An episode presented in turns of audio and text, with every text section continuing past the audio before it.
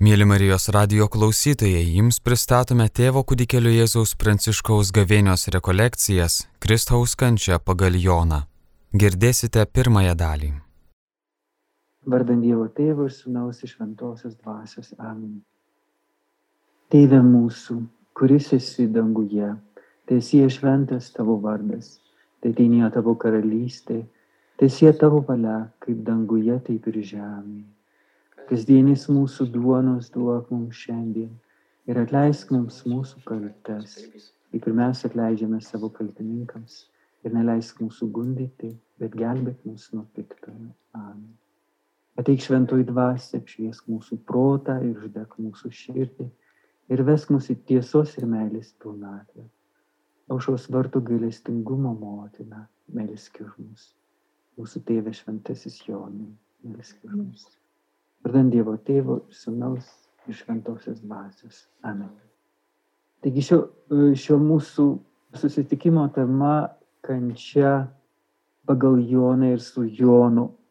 Irkime tada su šventuoju Jonu, su mylimuoju mokiniu tas gelmes, paskutinės savaitės, paskutinių Jėzaus dienų ir valandų gelmes. Pradėsim nuo Jono Evangelijos 13 skyriaus ir, aišku, labai mažai mes turime laiko, bet pabandysim bent jau esmę peržvelgti iki pat 20 skyriaus, 20 skyriaus pradžia yra jau prisikėlimas, tai šito mes neliesim, bet ypač gilinsimės į šituos skyrius. E, kodėl nuo 13 skyriaus pradedam, nes ten paskutinės vakarienės pasakojimas užrašytas ir paskutinė vakarienė tikrai yra esminė dalis tos Jėzaus kančios, kadangi per Eucharistiją, per e, paskutinės vakarienės aktualizavimą, sudabartinimą mes e, vėl ir vėl tikėjimu išgyvename tai, kas įvyko tada prieš 2000 metų Jeruzalės užmiestyje, jau net ne miestas, jį ten nukryžiavo už miesto. Ir ne veltui didysis tridienis prasideda ketvirtadienio vakaras su paskutinės vakarienės šventosiomis mišiomis, kadangi, kaip sakiau, yra tas e, esminė jungtis tarp paskutinės vakarienės ir to, kas vyksta rytojaus dieną Jeruzalė didįjį penktadienį. Taip pat ir mūsų gyvenime. Euharistija išgyventa tikrai giliu kontemplatyviu tikėjimu mums padeda taip pat atpažinti tuose visokiuose išbandymuose, ar tai būtų lygos, ar kančios emocinės, psichinės, kančios fizinės, nesusipratimai su artimaisiais, apskritai santykiuose, visuomeniai, kas be būtų, atpažinti kryžiaus slėpinį, šlovingojo kryžiaus slėpinį, kad tai yra Jėzaus valanda ir Jėzaus šlovės valanda ir kad mes, mes esame kaip mylimasis sunus tik, iš tikrųjų įtraukiami į tos valandos artumą, kad kartu su Jėzumi galėtume perėję per kryžiaus ugnį pasiekti e, šlovės šviesą.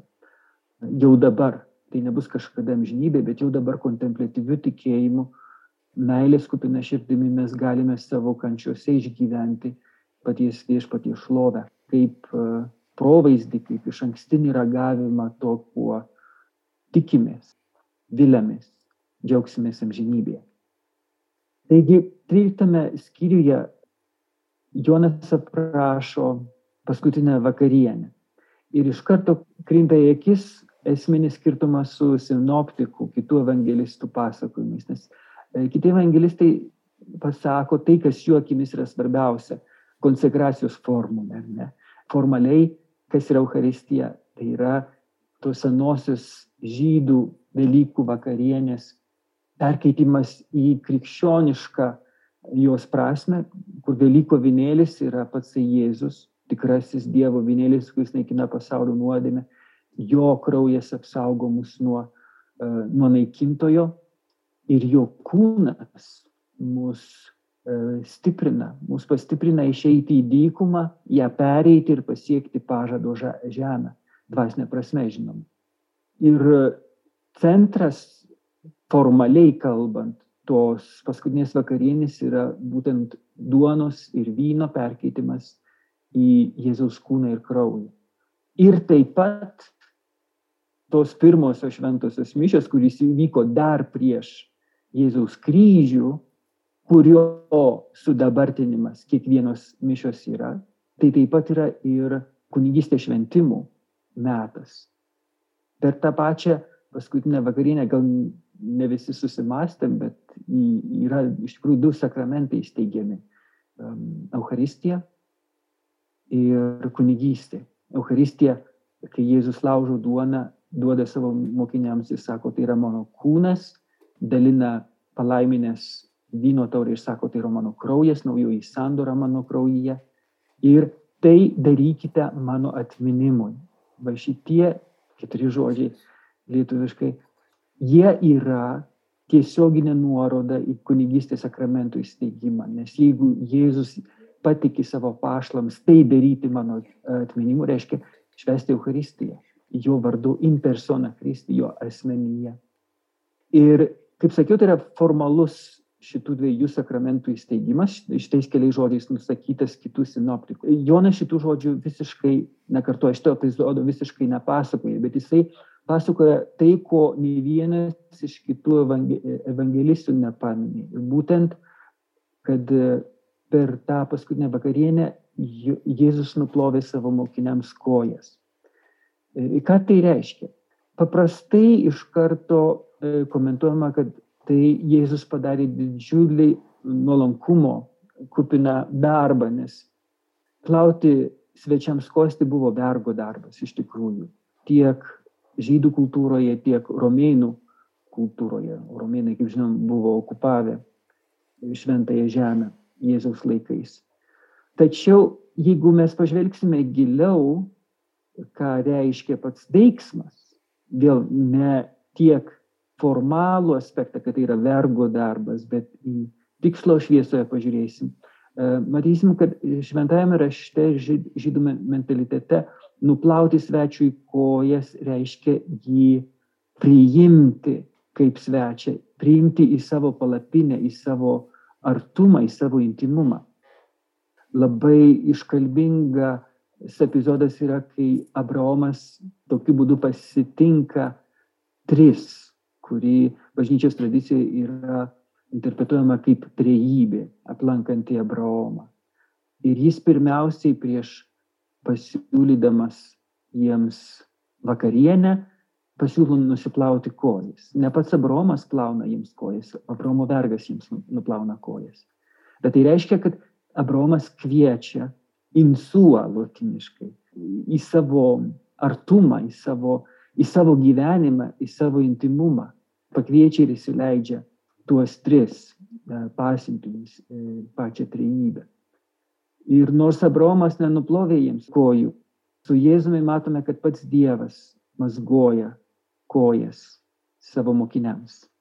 Tokiu būdu išreikšdamas, kad jis juos priima į, sa, į savo intimų į gyvenimą, į savo dieviško gyvenimo gelmes. Ir būtent ten irgi toliau vyksta vakarienė. Galime vėl paralelę tokią matyti su prieškimu šventajam Jonui apokalipse, kur e, Jėzus sako, štai aš stoviu prie durų ir beldžiu ir kas išgirs, įsileis mane, aš pas jį ateisiu ir vakariniausiu su juo, o jis su manimi. Taip ir per šitą paskutinę vakarienę, per kiekvienas mišes, per kiekvieną Euharistiją įvyksta tas pat. Jėzus beldžiasi mūsų širdį ir nuo mūsų priklauso, mes jį įsileidžiame. Bet jeigu mes jį įsileidžiame, iš tikrųjų ne mes jį įsileidžiame, bet jis mus įsileidžia į savo širdį į savo dieviškojo gyvenimo gelmes ir ten, ten mus maitina, ten mums patiekia vakarienę.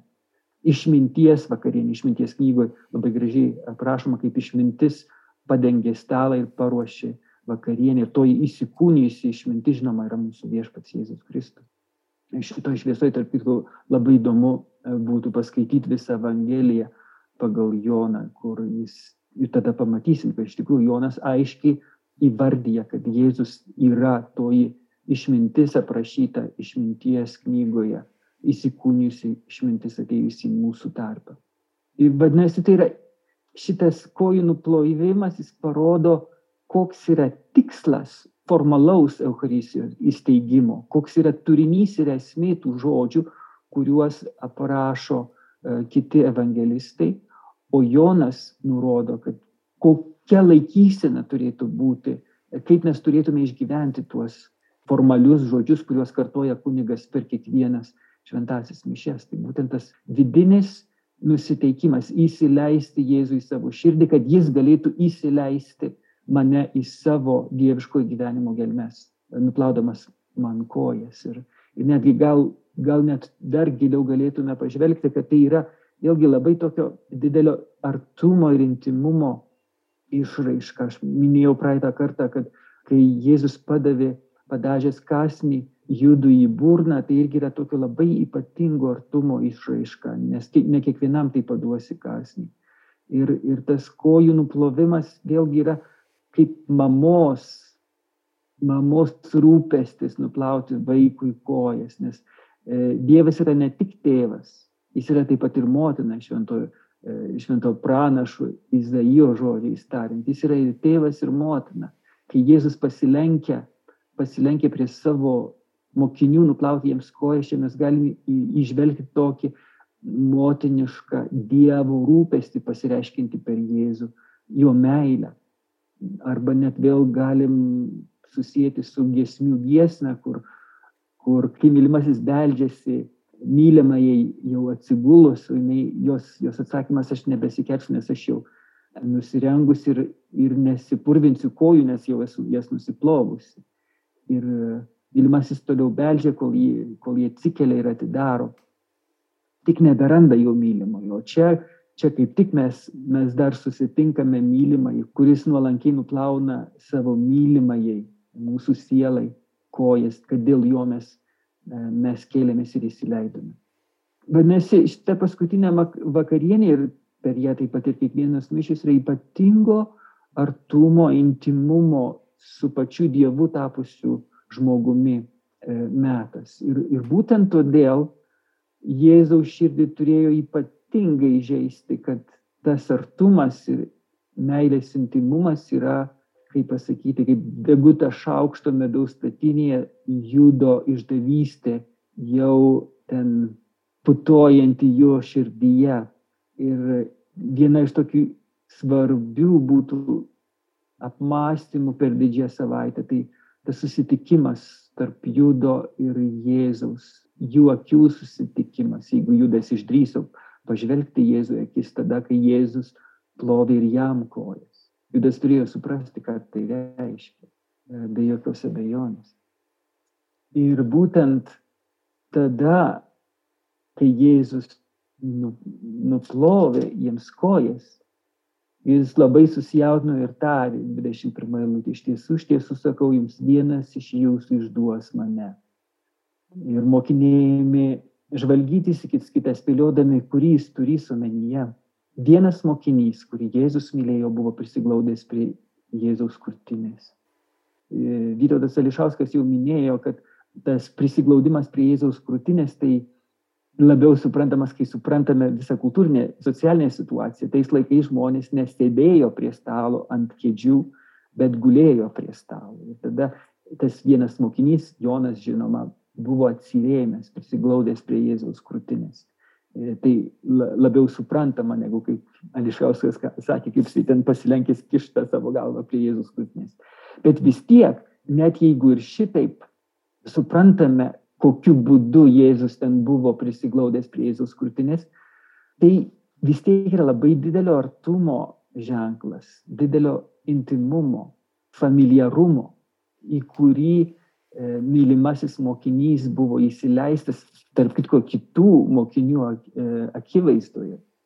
Ir mūsų erotizuotoj, seksualizuotoj kultūroje labai lengva būtų interpretuoti, ir tarp kitko yra tokių interpretatorių, ką tai reiškia toks mylimojo mokinio prisiglaudimas prie Jėzaus krūtinės, bet tai vėl yra visiško nuodėmės sugadintos širdies žvilgsnio melas, kai šitaip interpretuojama, kad tarp Jėzaus ir Jono ten buvo kažkas tokio, kaip dabar šiais laikais bandoma, kaip pasakyti, įkultūrinti kaip visiškai normalų dalyką.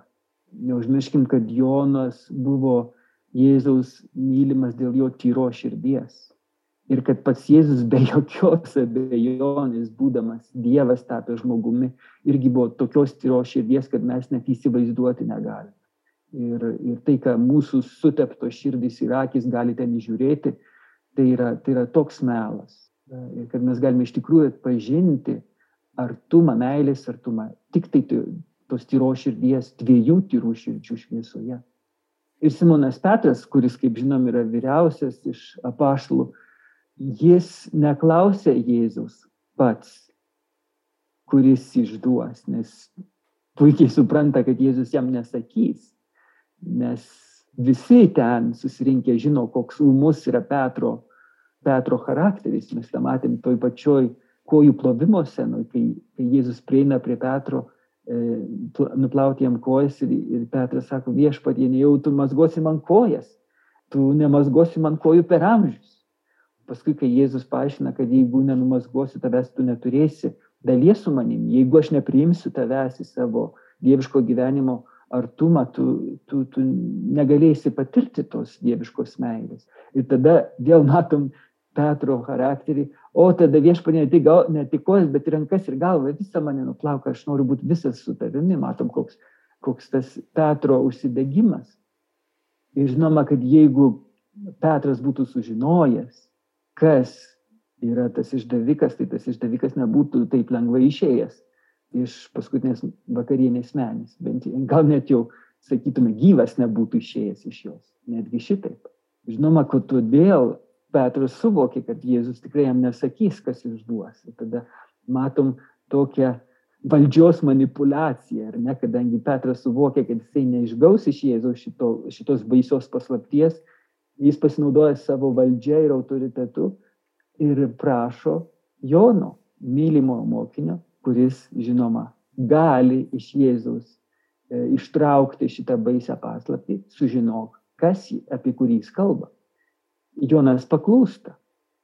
Pasilenkęs prie Jėzaus krūtinės paklausė, kas jis viešpatė. Ir Jėzus atsiliepė tai tas, kuriam padažęs paduosiu kasnį. Ir pamirkęs kasnį dubenyje jis padavė judui Simono Iskarijotų sūnui. Kai šis nurijo kasnį, įėjo į jį šitonas. Čia irgi labai, labai svarbus momentas, kai Jonas rašo, kad būtent tada, kai Judas nurijo Jėzaus paduotą kasnį įėjo į jį šitonas. Kodėl? Todėl, kad priimdamas šitą Jėzaus draugystės, artumo gestą, jį priimdamas, jo Judas tarsi atsako tuo pačiu, kad taip, mes esame draugai, taip aš tave myliu mokytoju. Bet iš tikrųjų jo širdyje jau yra nuspręsta, yra apsisprendęs jį išduoti. Ir tokiu būdu Judas be žodžių meluoja. Ir kai mes meluojam, mes iš karto patenkame į melagio ir melo tėvo įtako zoną, jeigu taip galima būtų sakyti. Ir būtent todėl į jį įeina šitonas, į jį įeina melo dvasia. Judas galutinai atsiskiria nuo viešpaties per šitą bežodį kūno kalbos melą. Ir Jėzus jam sako, kad darai daryk greičiau. Ir įdomu, kad nors Jonas pakluso Petrui, sužinojo, kas yra išdavikas, jis to, toliau ne, nepasako Petrui, kas jis yra.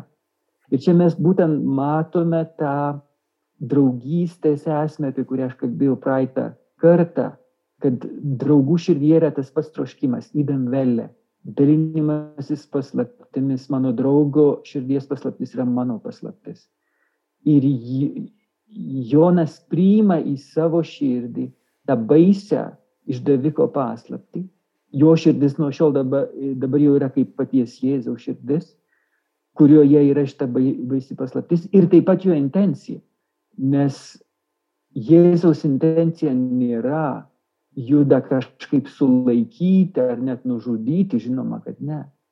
Ir Jonas, mylimasis mokinys, persijima tą pačią mokytojo intenciją. Jis irgi leidžia įvykti tam siaubingam blogiui, išdavystai, mokytojo, mylimo mokytojo išdavystai. Čia matom irgi, kaip nepaprastai Jonas užaugo dvasinę prasme per tuos kelis metus, būdamas Jėzaus mylimuoju mokiniu, nes Jonas ir Jokūbas, Zebedėjaus sūnus, aš jau praeitą kartą minėjau, kodėl aš laikau, kad pagal visą didžiąją liturginę bažnyčios tradiciją, kad Jono Evangelijos autorius yra evangelistas Jonas, Zebedėjaus sūnus, tai šituos du e, Jėzus vadino Boanergės, griausmo vaikais. Prisiminkim, kaip Jonas norėjo sudeginti samariečių kaimą už tai, kad jie nepriemi mokytojo, kai jie keliavo į Jeruzalę.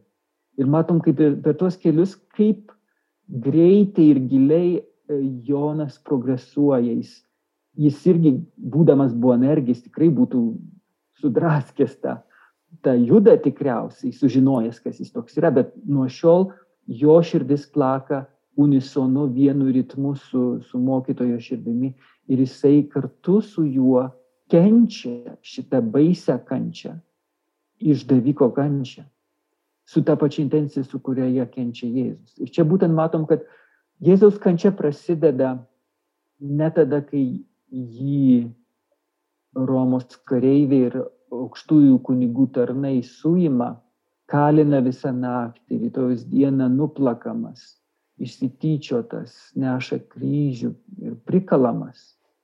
Dvasinė kančia ir Jėzaus širdinai, ko gero, buvo dar didesnė negu fizinė kančia. Jis prasideda būtent per paskutinę vakarienę, per šito išdaviko baisėje paslapti. Kadangi labiausiai mes kenčiame tada, kai mūsų meilė yra išduota. Ir kuo karštesnė ir gilesnė mūsų meilė, tuo labiau kenčiame, jau žmogiškai žiūri. Jėzus yra pati įsikūnysi begalinė meilė. Todėl ir šitos išduotos meilės kančia yra begalinė. Mes negalime net įsivaizduoti, ką Jėzus kentėjo per paskutinę vakarienę savo širdyje dėl šito išdaviko.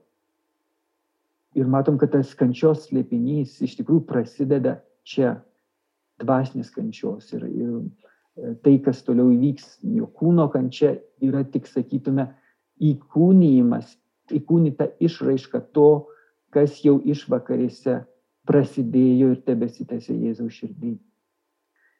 Ir kai Judas išeina išduoti, Jėzus pagaliau gali atvirai intymiai kalbėti savo mokiniams tas esmines meilės paslaptis, kuriuos jis yra gavęs iš tėvų ir kuriuos jis atėjęs perteikti, perduoti mums.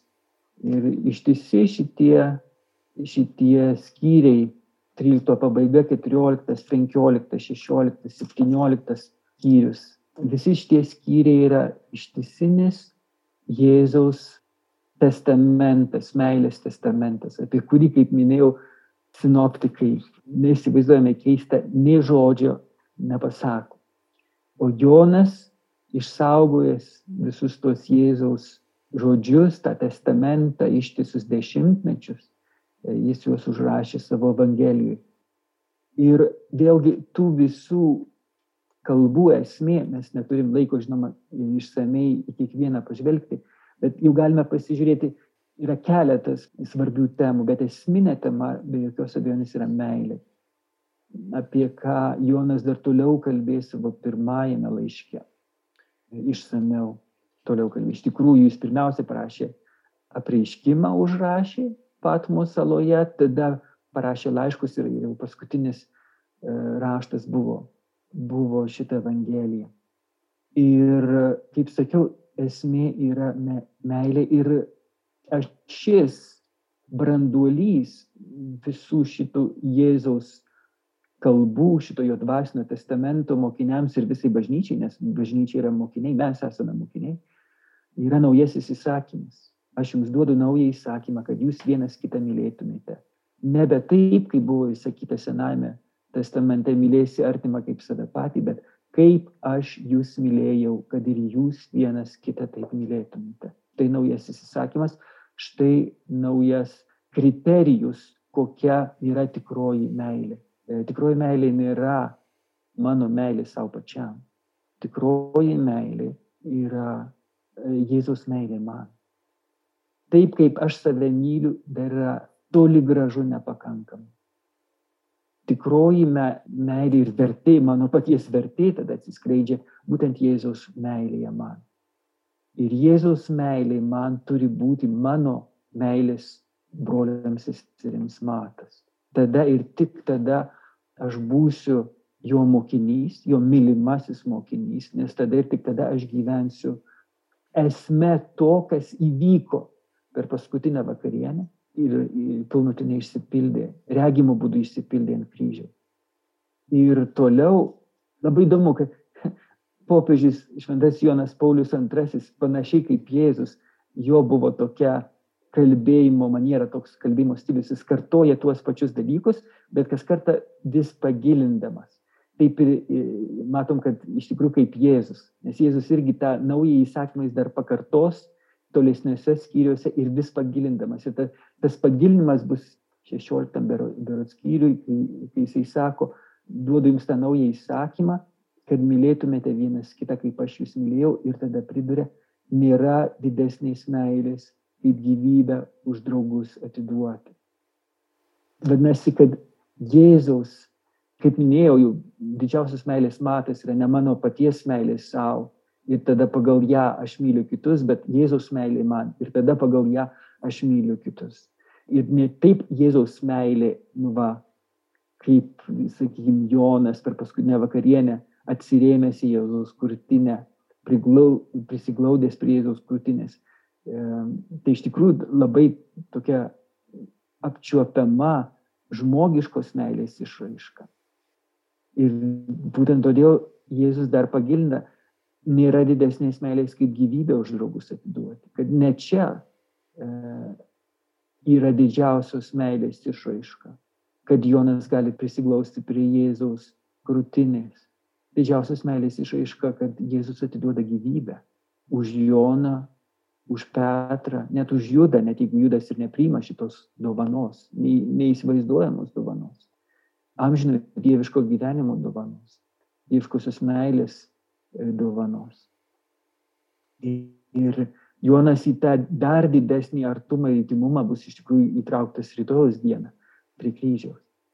Tai čia pirmasis, kaip sakiau, to esminis ašis ir branduolys Jėzaus apreiškimo per tą dvasinį testamentą per paskutinę vakarienę. Kita tema, kurią jis atskleidžia Ir labai įdomu irgi, kaip Jona, Jonas parodo, kad per kitų mokinių klausimus Jėzus vis pagilina apreiškimą to, kas jis yra ir ko jis atėjo. E, būtent kai Tomas 14 skyriui e, klausė, sako, viešpatė mes nežinome, kur tu eini, tai kaip, kaipgi mes žinosime kelią. Ir šito klausimo proga Jėzus atskleidžia vėl naują gelmę. Aš esu kelias, tiesa ir gyvenimas. Aš esu meilės kelias. Tik eidami tuo keliu, kuriuo aš einu kryžiaus keliu, jūs patirsite, kas yra iš tikrųjų meilė. Aš esu tiesa, meilės tiesa, įsikūnys pilnai apsireiškusi ant kryžiaus. Ir aš esu gyvenimas. Gyvenimas, kuris stipresnis už, už mirtį. Amžinasis gyvenimas, kuris reiškia prisikėlimu tokiu būdu, kad Jėzus netgi galėjo pasakyti mortai, aš esu prisikėlimas ne tik, kad aš prikelsiu jūs, ar kaip lozorių prikelti, ne, aš esu prisikėlimas, aš esu amžinasis gyvenimas, aš esu tiesa, aš esu kelias.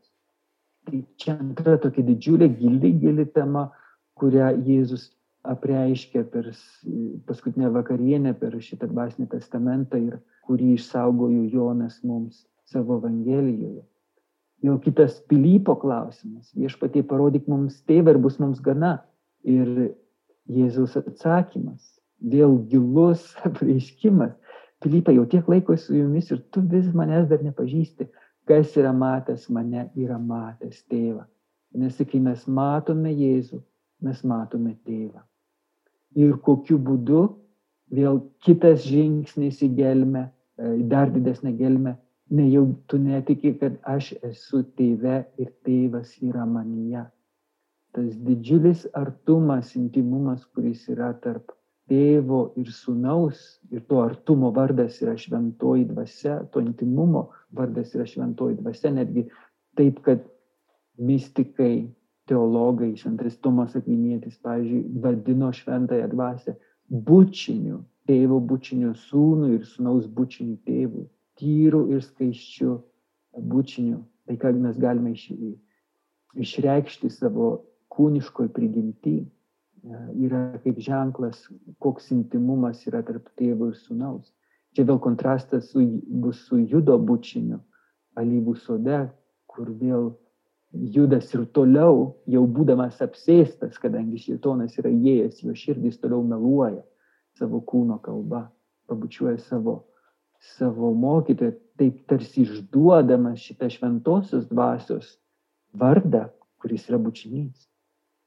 Iškreipdamas, sumaitodamas tai, kas bučinys yra, turi būti mūsų, mūsų kūno kalboje. Toliau matysime 17 skyriui Jėzus dar labiau pagilina šitą apreiškimą.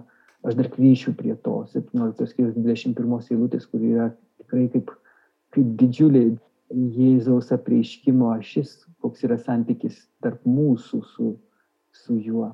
Ir prie to aš tuoj sugrįšiu. E, trečia didžiulė svarbi tema tai būtent globėjo, paraklitos pažadas, šventosios dvasios, tiesos dvasios, kurios pasaulis neįstengia priimti, nes jos nemato ir nepažįsta. O jūs ją pažįstate, nes ji yra pas jūs ir bus jumise. Tiesos dvasia, meilės tiesos dvasia.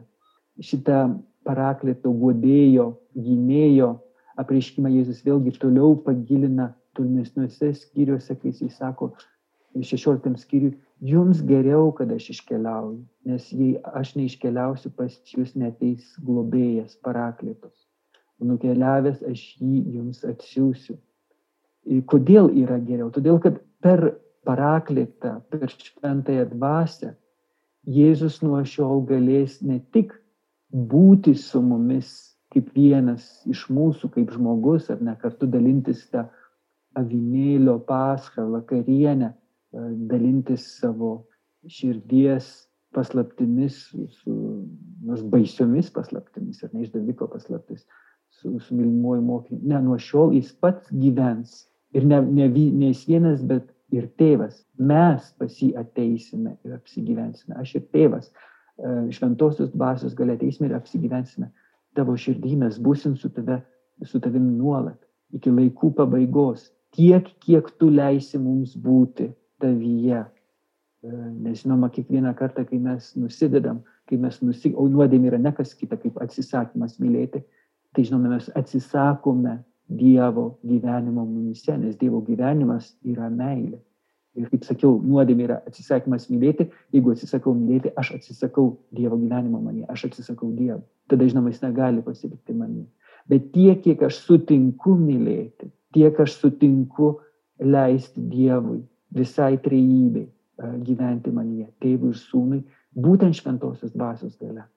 Todėl jums yra geriau kad aš iškeliauju, nes nuo šiol, kai ateis paraklėtas, aš galėsiu kartu su tėvu gyventi tavo širdie daug intimiau, daug giliau, negu, negu mes gyvenome kartu tuos trejus metus, kai, kai mes kartu keliavome po, po visą šventą žemę ir aš mokiau, mokiau jūs dalykų, kuriuos esu girdėjęs iš tėvo.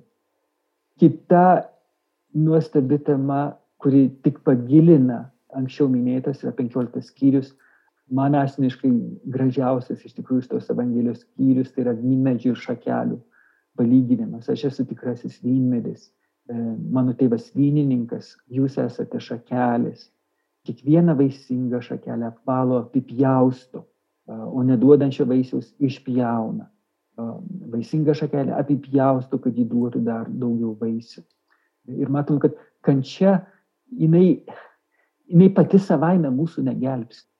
Būti išpjautam iš vynmedžio kaip nevaisinga šankelė, tai irgi patirti kančią.